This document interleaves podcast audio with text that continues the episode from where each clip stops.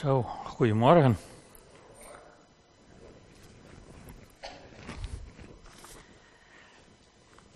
Het thema wat ik heb uitgekozen voor vanochtend is genieten van het voorschot. En ik wil straks met jullie lezen het eerste hoofdstuk van de brief van Paulus aan de Efeziërs. Dus als je dat op wil zoeken ondertussen. De meesten van jullie weten wel dat uh, Geertjes moeder begin van dit jaar is overleden. En als uh, de laatste van je ouders overlijdt, dan komt er een erfenis vrij. En daarvoor moet er van alles geregeld worden. Maar als je je verdiept in het woord van de Belastingdienst, tegenwoordig te vinden op internet, dan kun je er uh, redelijk zeker achter komen hoeveel belasting je moet betalen. En dan weet je ook ongeveer wat er voor iedereen overblijft. En op basis van die informatie hebben wij aan de erfgenamen een voorschot uitbetaald op de erfenis. En het leuke is dat je nu erfgenamen ziet die daarmee dingen doen die ze al heel lang graag hadden willen doen. Dus niemand laat zijn voorschot angstvallig op de bank staan totdat alle formaliteiten zijn geregeld. Maar hoe anders is het vaak onder christenen? Drie keer noemt Paulus de Heilige Geest een voorschot op onze erfenis. En als je je verdiept in het woord van God, de Bijbel ook op internet te vinden, dan kun je redelijkerwijs vaststellen wat dat voor jou betekent.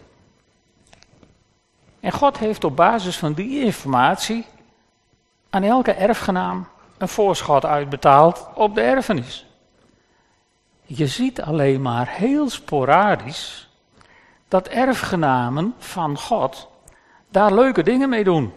Veel christenen laten hun voorschot angstvallig op de bank staan totdat alles definitief is. En we hebben daar zelfs liedjes over gemaakt. Een van die liedjes die daarin bij mij opkwam was het oude liedje Stil maar, wacht maar, alles wordt nieuw. De waarheid in dat lied is dat alles nieuw wordt.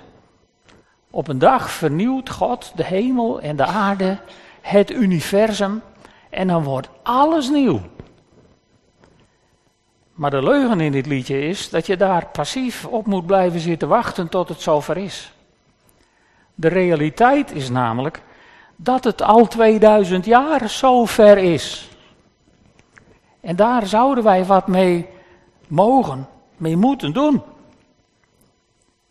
Want weet je, het eerste wat Jezus doet als hij begint met zijn verkondiging, is vertellen dat het koninkrijk van God gekomen is. Het lastige is dat in veel Bijbelvertalingen staat: het koninkrijk is nabij. En wij gaan daarbij denken in tijd, alsof het bijna zover is. Maar dat is volgens mij niet wat Jezus bedoelt. Want als je zou denken dat het bijna zover is, ja, dan, dan, dan kom je groot in de problemen met het feit dat we er inmiddels al 2000 jaar op wachten. Nou, mijn definities van bijna zijn een beetje anders. Maar als je in Engelse vertalingen kijkt, dan staat daar: The kingdom is at hand. Met andere woorden, het is binnen handbereik. Het ligt voor het grijpen. En zo heeft Jezus zijn koninkrijk, het koninkrijk van de hemel, op de aarde gebracht. Het is vlakbij.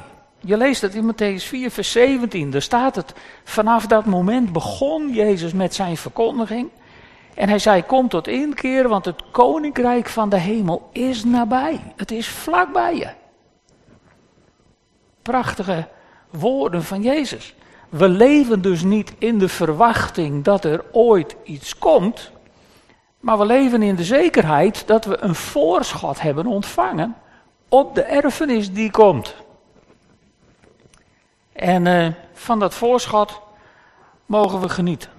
Dat hoeft niet op de bank te blijven staan totdat Jezus terugkomt en alle formaliteiten zijn afgehandeld. Dat was niet de bedoeling, want onze toekomst met Jezus begon 2000 jaar geleden al. Dus heel veel beloftes van God, heel veel dingen die Jezus heeft gezegd, die zijn helemaal niet bedoeld voor het leven later bij Hem in de hemel. Daar hoeven we zieken de handen niet meer op te leggen, want er zijn geen zieken. Daar hoeven we geen doden op te wekken, want er zijn geen doden. Daar hoeven we geen demonen uit te drijven, want er zijn geen demonen. Al die dingen, die zijn voor hier en nu. Het is een voorschot wat je hebt gekregen om er wat mee te gaan doen. Dat betekent niet dat we alles al compleet hebben ontvangen.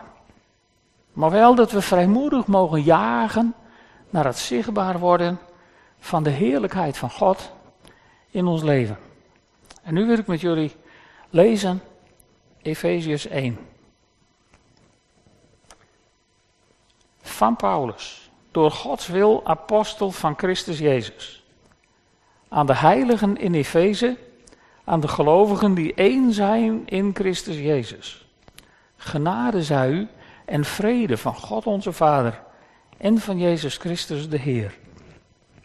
Gezegend zij de God en Vader van onze Heer Jezus Christus, die ons in de hemelsferen in Christus met talrijke geestelijke zegeningen heeft gezegend. In Christus immers heeft God ons, voordat de wereld gegrondvest werd, ons vol liefde uitgekozen om voor Hem heilig en zuiver te zijn. En Hij heeft ons naar Zijn wil en verlangen voorbestemd om in Jezus Christus Zijn kinderen te worden tot eer van de grootheid van Gods genade ons geschonken in zijn geliefde Zoon. In hem zijn wij door zijn bloed verlost en zijn onze zonden vergeven. Dankzij de rijke genade die God ons in overvloed heeft geschonken, hij heeft ons in al zijn wijsheid inzicht in dit mysterie onthuld. Zijn voornemen om met Christus de voltooiing van de tijd te verwezenlijken en zijn besluit om alles in de hemel en op aarde onder één hoofd bijeen te brengen, onder Christus. In Hem heeft God, die alles naar zijn wil en besluit tot stand brengt, ons zijn bestemming toebedeeld om vanaf het begin onze hoop te vestigen op Christus tot eer van Gods grootheid.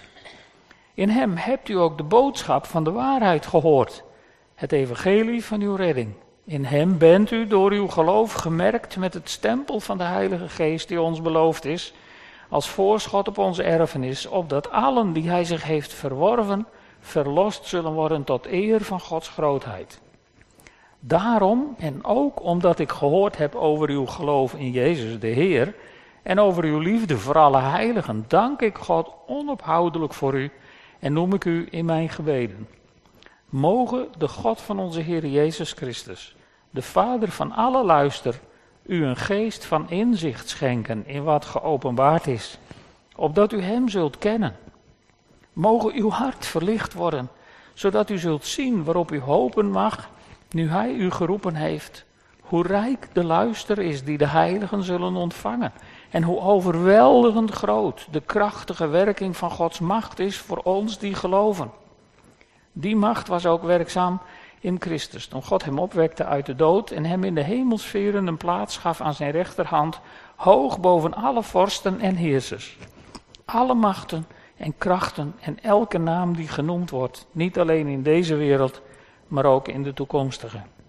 Hij heeft alles aan zijn voeten gelegd en hem als hoofd over alles aangesteld voor de kerk, die zijn lichaam is, de volheid van hem die alles in allen vervult.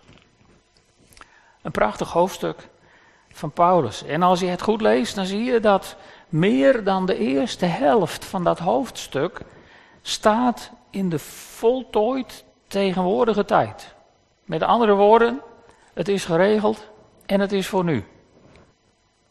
En dan lees je dat God ons met talrijke geestelijke zegeningen heeft gezegend. En, wat moet je dan aan denken bij talrijke geestelijke zegeningen? Ik denk daarbij aan wat je bijvoorbeeld vindt in 1 Korinthe 12. Een woord van wijsheid, een woord van kennis, de gave van profetie, de gave van genezing. En, en, en in Romeinen 12 vind je er van alles over.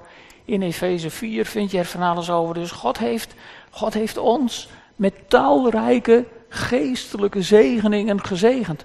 Toen hij de Heilige Geest liet uitstorten op deze wereld. En daarom sinds die tijd zijn we in de olie. Hij heeft ons ook vol liefde uitgekozen om voor Hem heilig en zuiver te zijn. Dat is iets anders dan wat sommige mensen denken, dat je je, hele leven moet uitsloven om heilig en zuiver te worden. God heeft ons uitgekozen om heilig en zuiver te zijn. En hij heeft ons ook naar zijn wil en verlangen voorbestemd om zijn kinderen te worden. En hij heeft ons ook door het bloed van Christus verlost van de boze. En hij heeft door het bloed van Jezus onze zonden vergeven. Dat is allemaal klaar. Daar mag je in leven. Dit zit allemaal in dat pakket van dat voorschot op de erfenis. Hij heeft ons het mysterie van het koninkrijk onthuld. Blijft wel een mysterie. Af en toe nog, want we snappen het niet helemaal. Maar God heeft ons inzicht gegeven door ons de Bijbel te geven. Hij heeft ons de bestemming toebedeeld om vanaf het begin onze hoop te vestigen op Christus. Of eigenlijk om te geloven in Christus. Hij heeft ons ook de boodschap van de waarheid, het evangelie van onze redding, gegeven. Hij heeft ons gemerkt met de Heilige Geest. En hij heeft ons als voorschot op onze erfenis die geest gegeven. Dus dat heeft God allemaal al gedaan. Dat is allemaal klaar. Dat is allemaal nu voor jou beschikbaar. Dat zit allemaal in het voorschot op de erfenis. Dat laatste zien we ook in 2 Korinthe 1, vers 22, waar staat dat God ons heeft gewaarmerkt als zijn eigendom en ons als voorschot de geest gegeven heeft. En tenslotte noemt Paulus dat voorschot nog één keer in Romeinen 8, vers 23. Daar kom ik straks op terug. Dus er is heel veel wat we al hebben. Maar er is meer. Want we zijn er nog niet. Paulus bad voor de Efeziërs dat God hun een geest van inzicht zou schenken in wat geopenbaard is. De Bijbel dus, opdat ze Hem zouden kennen. Dan valt je in de NBV-vertaling op dat de hoofdletters verdwenen zijn. Hè? En, en, en, ik moest daar wel even om lachen, want Jeanette van der Veen had het volgens mij vorige week over de Vader en de Zoon en de Heilige Schrift. En daar moest ik even aan denken. Want als je dat zonder hoofdletters leest, dan denk je dat we een geest van inzicht hebben gekregen in wat geopenbaard is in de Bijbel, opdat we die zouden leren kennen. Maar dat is niet wat er staat. En als je er een hoofdletter neerzet, dan wordt het glashelder dat God ons een geest van inzicht in de Bijbel heeft gegeven, opdat we Hem zouden leren kennen. Want dat is de bedoeling. Want je kunt alles over iemand weten, zonder iemand te kennen. En daar schiet je niet zo heel veel mee op. En Paulus bidt ook voor die mensen in Efeze dat God hun hart zou verlichten, zodat ze zouden zien hoe rijk de luister is die de heiligen zullen ontvangen en hoe overweldigend groot de krachtige werking van Gods macht is over hen die geloven. En dat bidt Paulus voor de gelovigen in het hier en nu. Hij bidt niet dat ze dat later in de hemel zullen zien, maar nu, in Efeze, toen, 2000 jaar geleden bijna. En, en voor ons, vandaag. En uh, dat is niet niks waar Paulus om bidt. Want die kracht, of die macht in andere vertalingen, dat is het Griekse woord dynamisch, waar Jeanette van der Veen het vorige week ook over had. Die kracht die dingen in beweging brengt, die dingen bewerkstelligt. Dat bidt Paulus voor de gemeente in Efeze.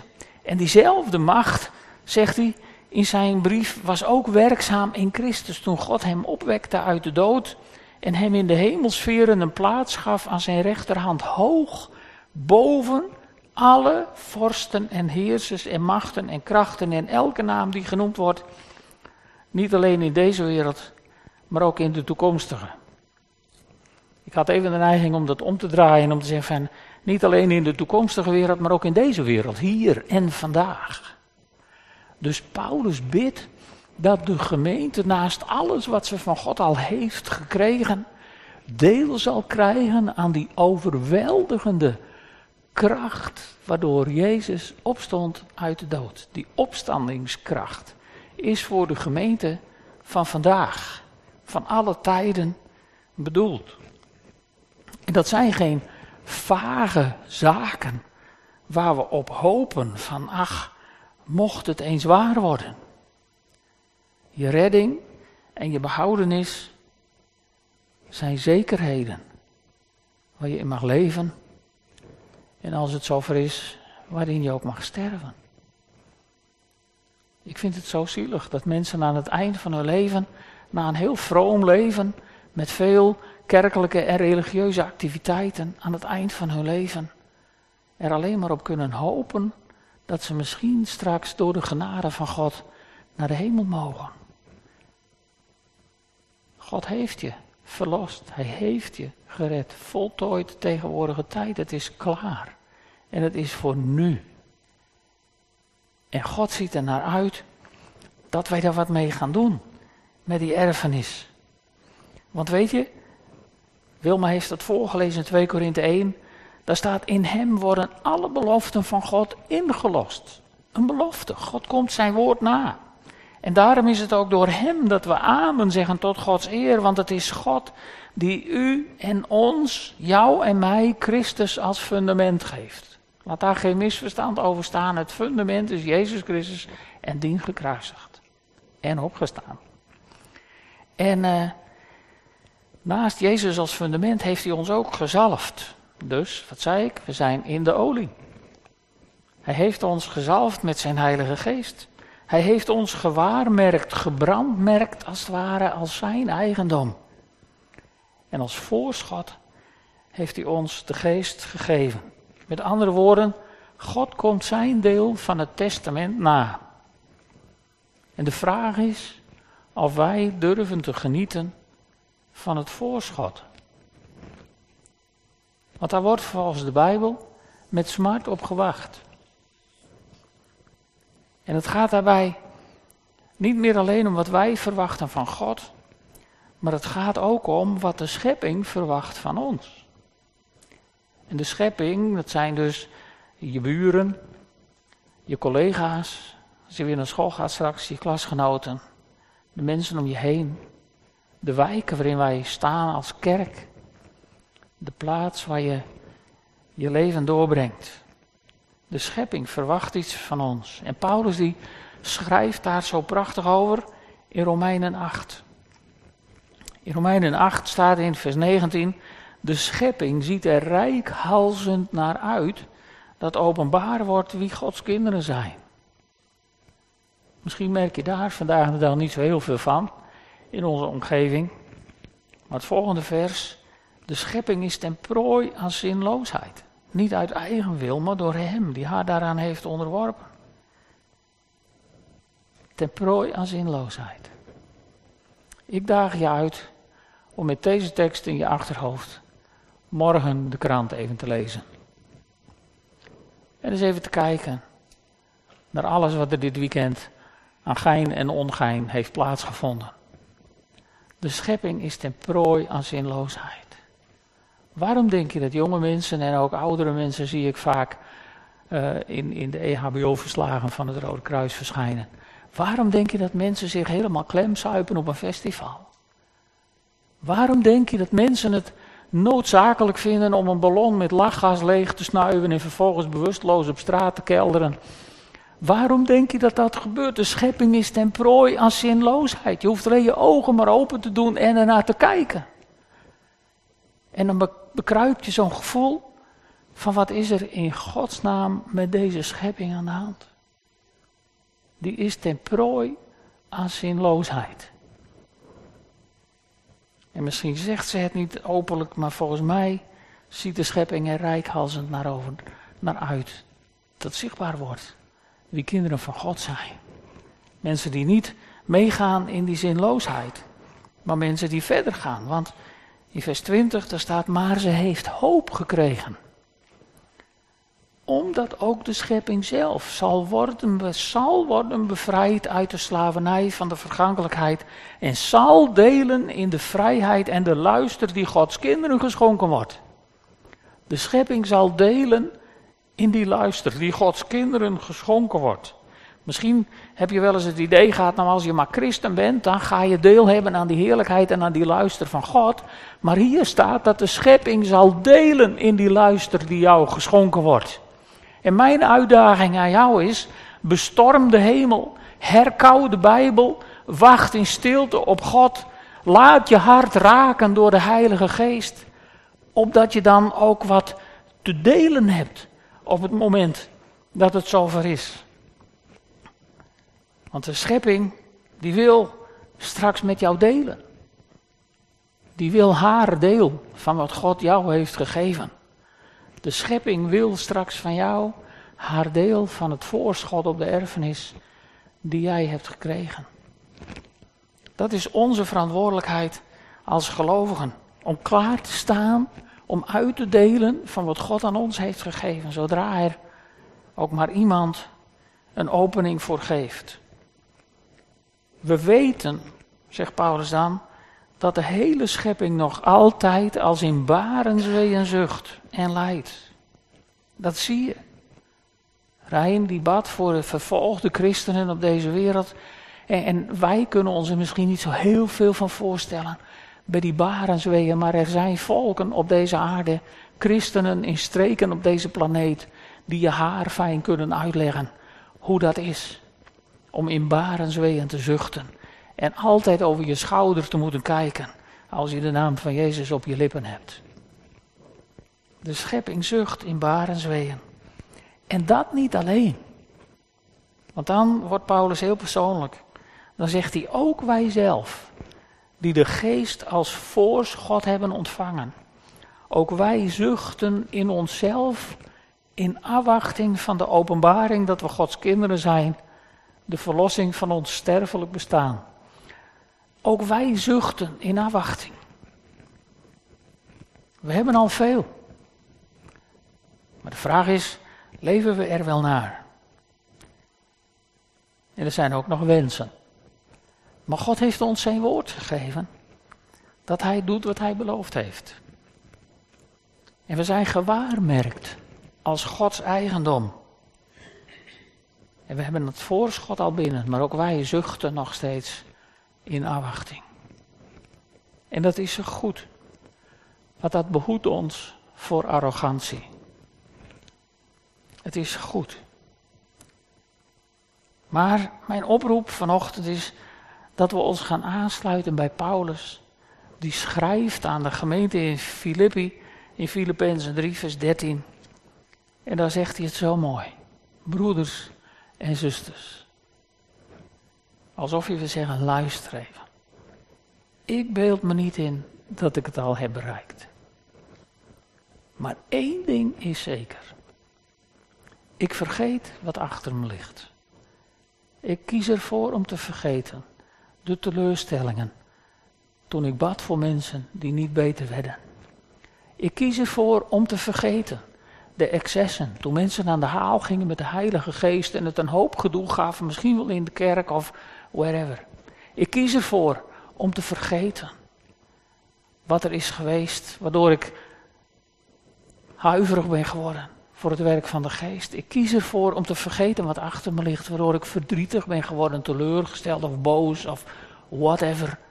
Je hebt allemaal wel iets daarin te noemen. Ik kies ervoor om te vergeten wat achter me ligt. En ik richt me op wat voor mij ligt, op die erfenis die ik heb gekregen. De NBG-vertaling zegt het zo mooi: ik jaag naar het doel. En uh, ik nodig je uit om op jacht te gaan. Want er is meer.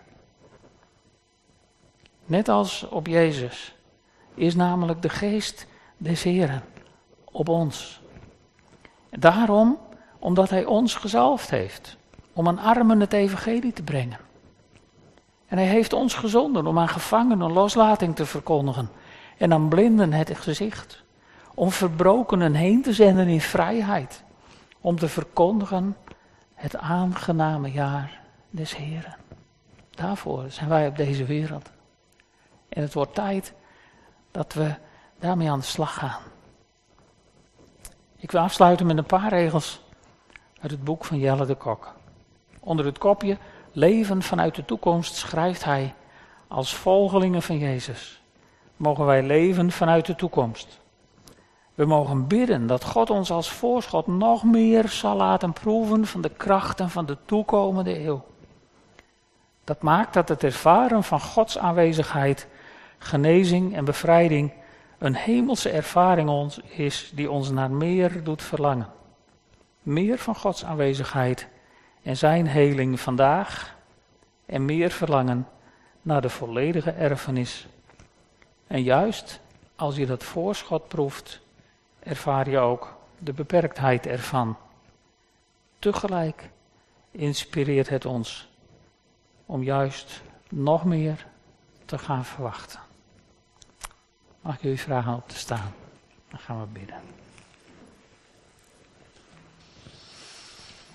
Heere God, ik dank u wel dat u uw geest aan ons hebt gegeven. Dat u niet terughoudend bent geweest, dat u niet hebt geaarzeld, maar dat u ons hebt overspoeld met de olie van uw geest. En dat we zo als gezalfde heiligen in deze wereld mogen zijn. En ik dank u wel, heren, dat, dat we zo in al die beloftes die u ons gaf, mogen leven. Maar vaak zijn we zo bang, zo terughoudend. Heren, want sommigen van ons zijn teleurgesteld daarin. U kent dat. En ik bid of u dat nu wilt genezen.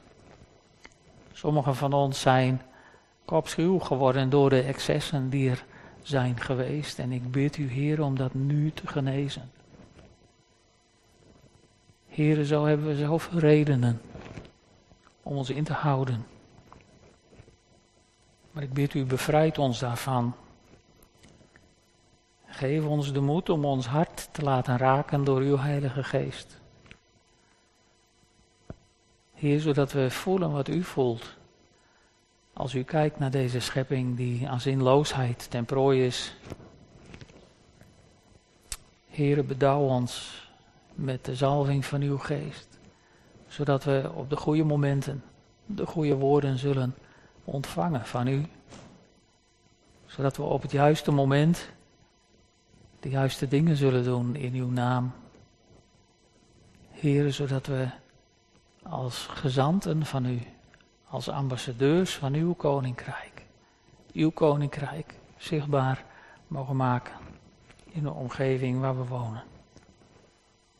En heren, we geloven niet dat we alles al hebben. En we zijn ons bewust dat we niet volmaakt zijn. Maar ik bid, Heer, laat uw geest een vuur in ons teweeg brengen. Dat we gaan jagen naar het doel wat u voor ons hebt. Dat bid ik van u in die wonderbare naam van Jezus Christus, onze Heer en Heiland. Amen.